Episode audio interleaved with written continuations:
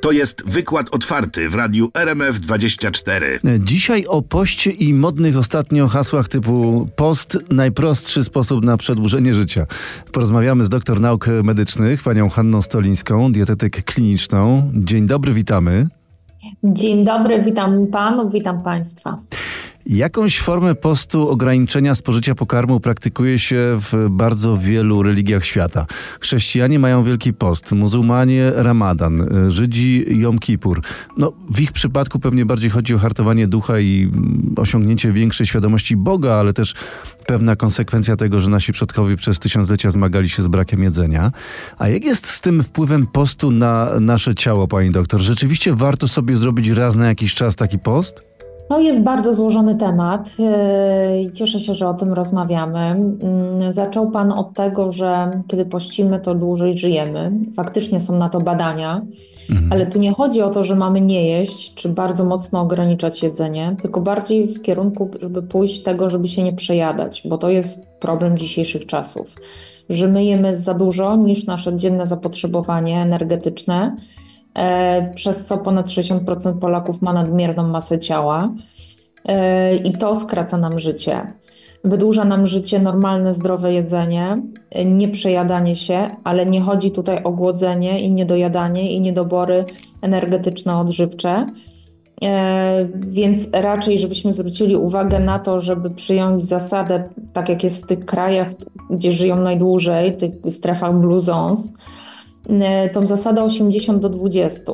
Czyli? Często mówiło się o zasadzie 80 do 20 w odpowiedzi na to, że 80% to są produkty zdrowe, 20% produkty niezdrowe w naszej diecie. Mhm. Czyli jakiś margines jest. Jakiś margines Dość duży jest. nawet Natomiast bym powiedział. druga zasada mhm.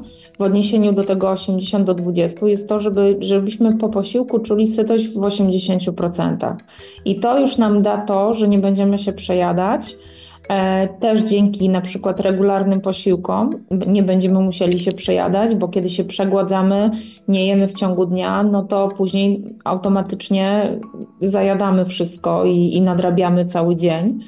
Więc chodzi po prostu o to, żeby się nie przejadać, ale nie mówimy o żadnych głodówkach. I żeby potem nie liczyć tych kalorii i mówić, o ho, ho ile, ileż to ja muszę poćwiczyć na siłowni, albo ileż to muszę przejść tych kroków, żeby jakoś to zrzucić. Pani doktor... W znaczy, jeżeli chodzi o mężczyzn, o mężczyzn, to oni mało się tym przejmują, tak? No poćwiczą, będzie dobrze, tak? Pośmieją się z tego powodu. Natomiast problem bardziej jest z kobietami, ja to widzę w moim gabinecie, które zaczynają e, obsesyjnie myśleć o tym, co mogą mhm. zjeść, czego nie mogą, co jest zabronione e, i się bardzo mocno tym wszystkim stresują, bo mają wrażenie, że później tyją od spojrzenia na ogórka. No chodzi o tą też taką relację z jedzeniem, która jest mhm. teraz bardzo mocno zaburzona. Nie słuchamy własnego organizmu, bo to on nam mówi, ile tego wszystkiego potrzebujemy, mhm. ale bardziej idziemy w tym kierunku, że słuchamy swojego organizmu na zachcianki wszelkiego rodzaju, no bo to jest taka dopamina dla naszego mózgu. Mm, czyli słuchamy, że chce nam się czekolady, to na pewno mam niedobór żelaza albo magnezu. Mhm. E, I, e, I żeby słuchać prawdziwych oznak organizmu, a nie zachcianek. E, I wtedy to też dobrze wpłynie na taką relację z jedzeniem, która jest bardzo teraz mocno zaburzona.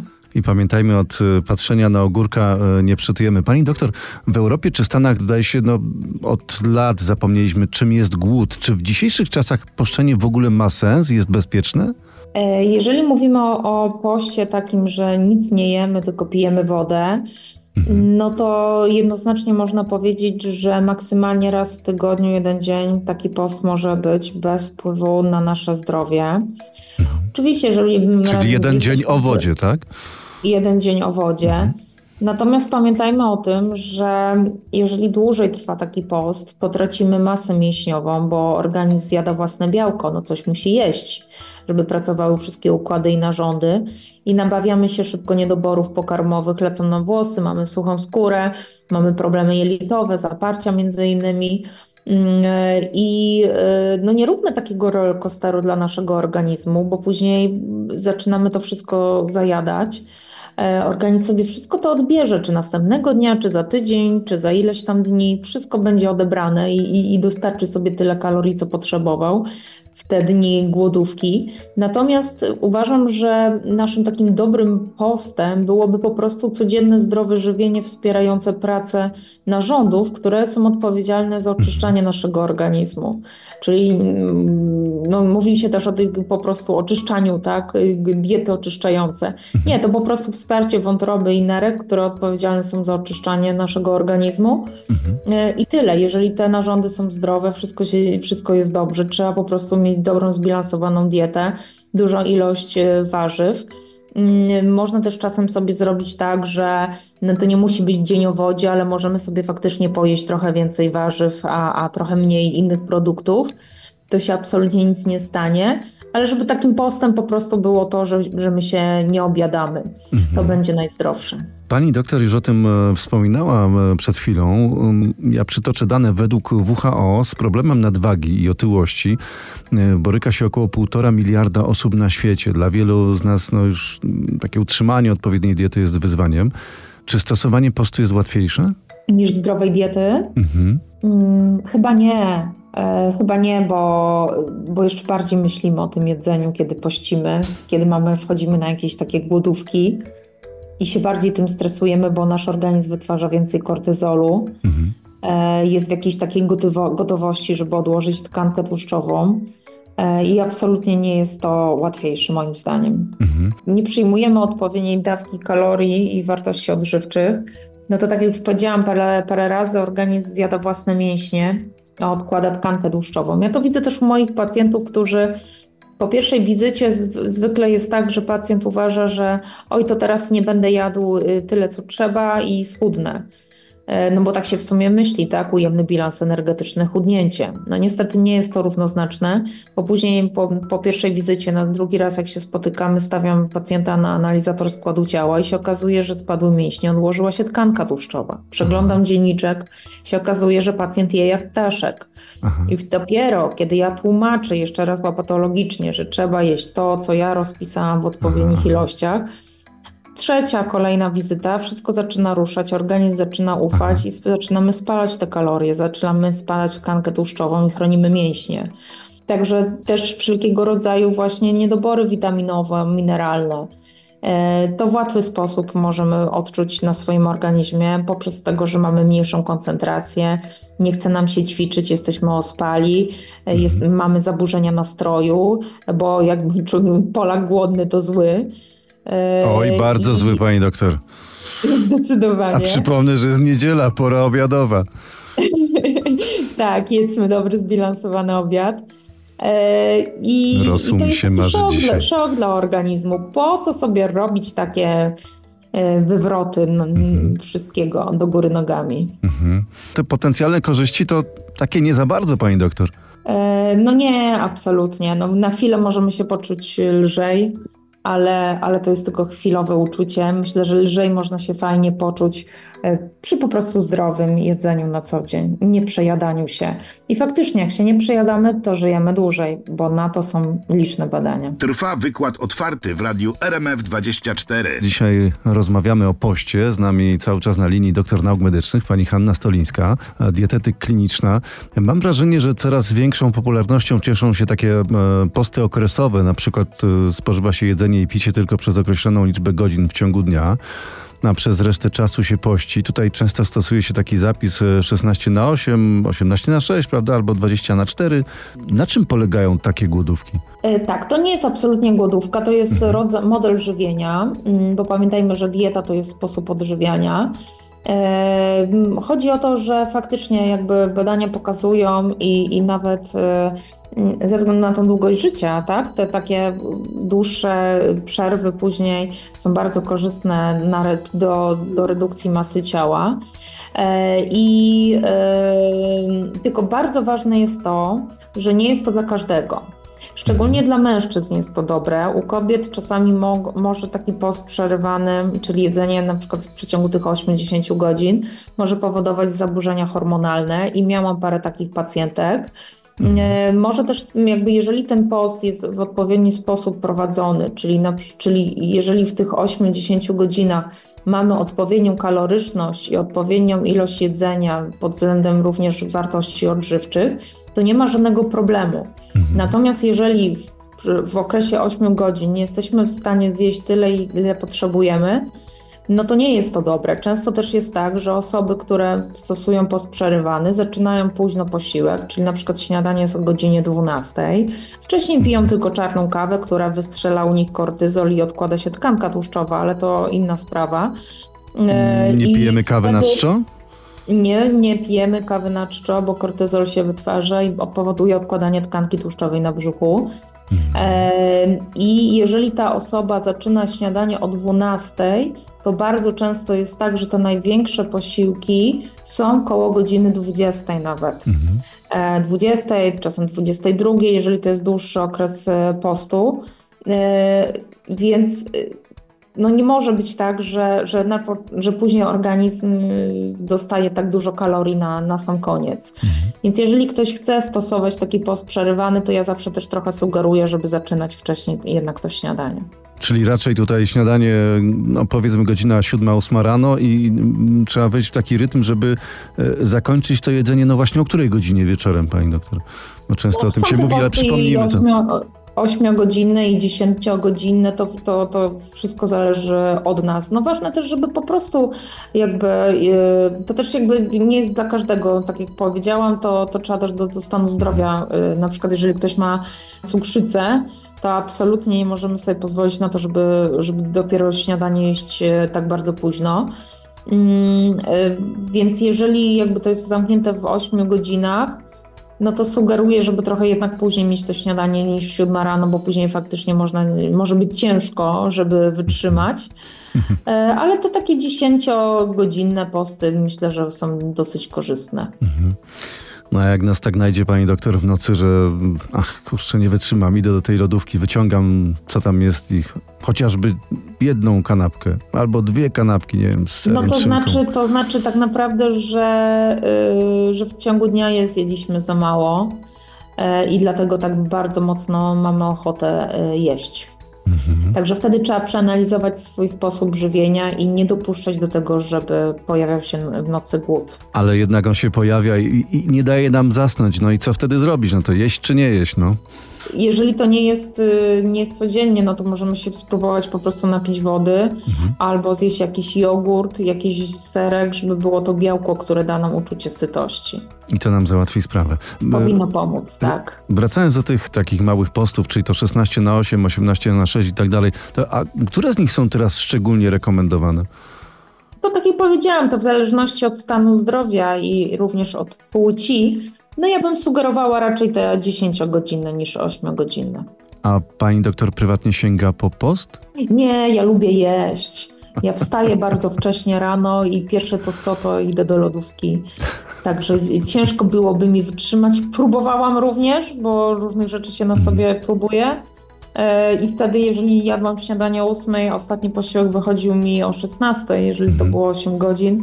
Oj, to ciężko no, byłoby wytrzymać do rana, pani doktor.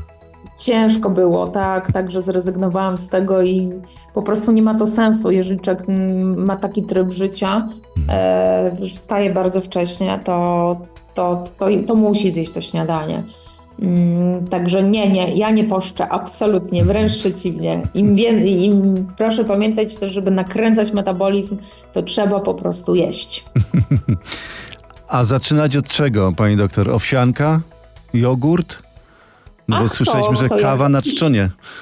Kawa na czczonie, ale, ale myślę, że jeżeli ktoś lubi owsianki, to mogą być to owsianki. Jeżeli ktoś lubi kanapki, to, to kanapki, tak? To, czy jakieś omlety, jajka, twarożki. Ja jestem mocno kanapkowa. Trwa wykład otwarty w radiu RMF24. Dzisiaj z nami pani doktor Hanna Stolińska, dietetyk e, kliniczna. Rozmawiamy m.in. o mm, poście, o różnych dietach. No ale pani doktor, wróćmy na zakończenie do postu i powiedzmy, dla kogo ten post na pewno nie jest odpowiedni?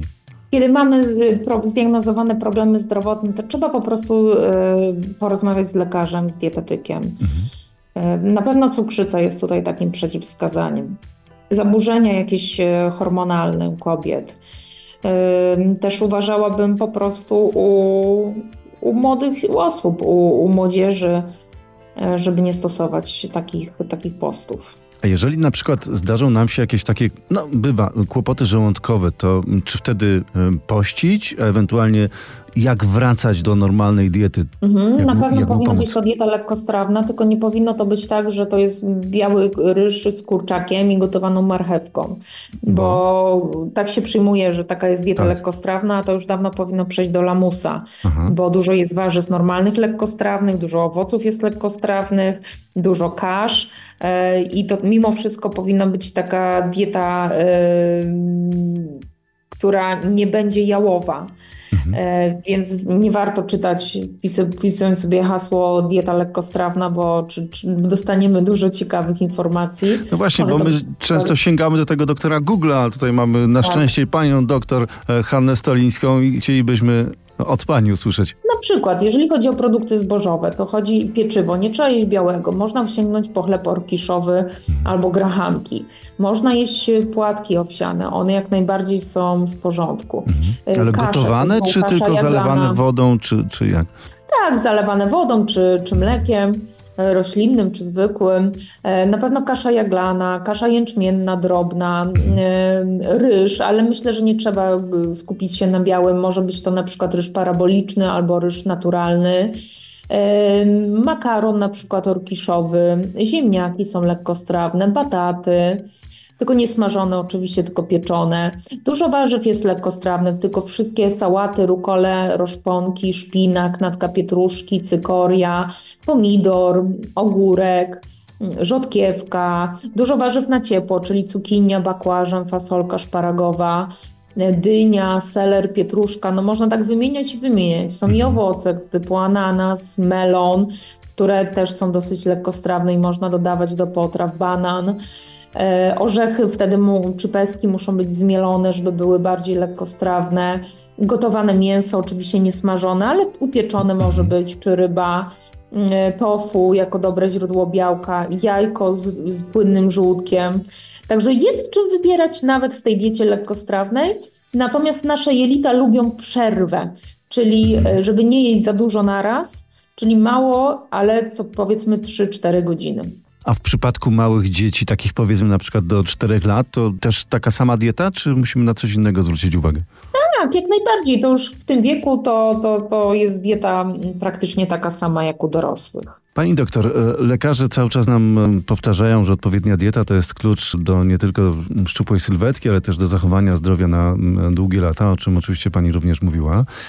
Jak wynika z nowego badania e, przedstawionego na łamach czasopisma naukowego The American Journal of Clinical Nutrition, Nutrition. dieta oparta na produktach roślinnych stanowi receptę na zachowanie zdrowia przez długie lata. Czy żywność pochodzenia roślinnego w takim razie, bez względu na nazwę diety, to zawsze będzie ten lepszy wybór? Tak, jeżeli jest dobrze zbilansowana dieta roślinna, to będzie dobrym wyborem. Każda dieta jest dobra, jeżeli jest dobrze zbilansowana, a taka, która jest roślinna lub częściowo roślinna, głównie roślinna z uzupełnieniem y, małej ilości produktów zwierzęcych, będzie zawsze dobrym wyborem.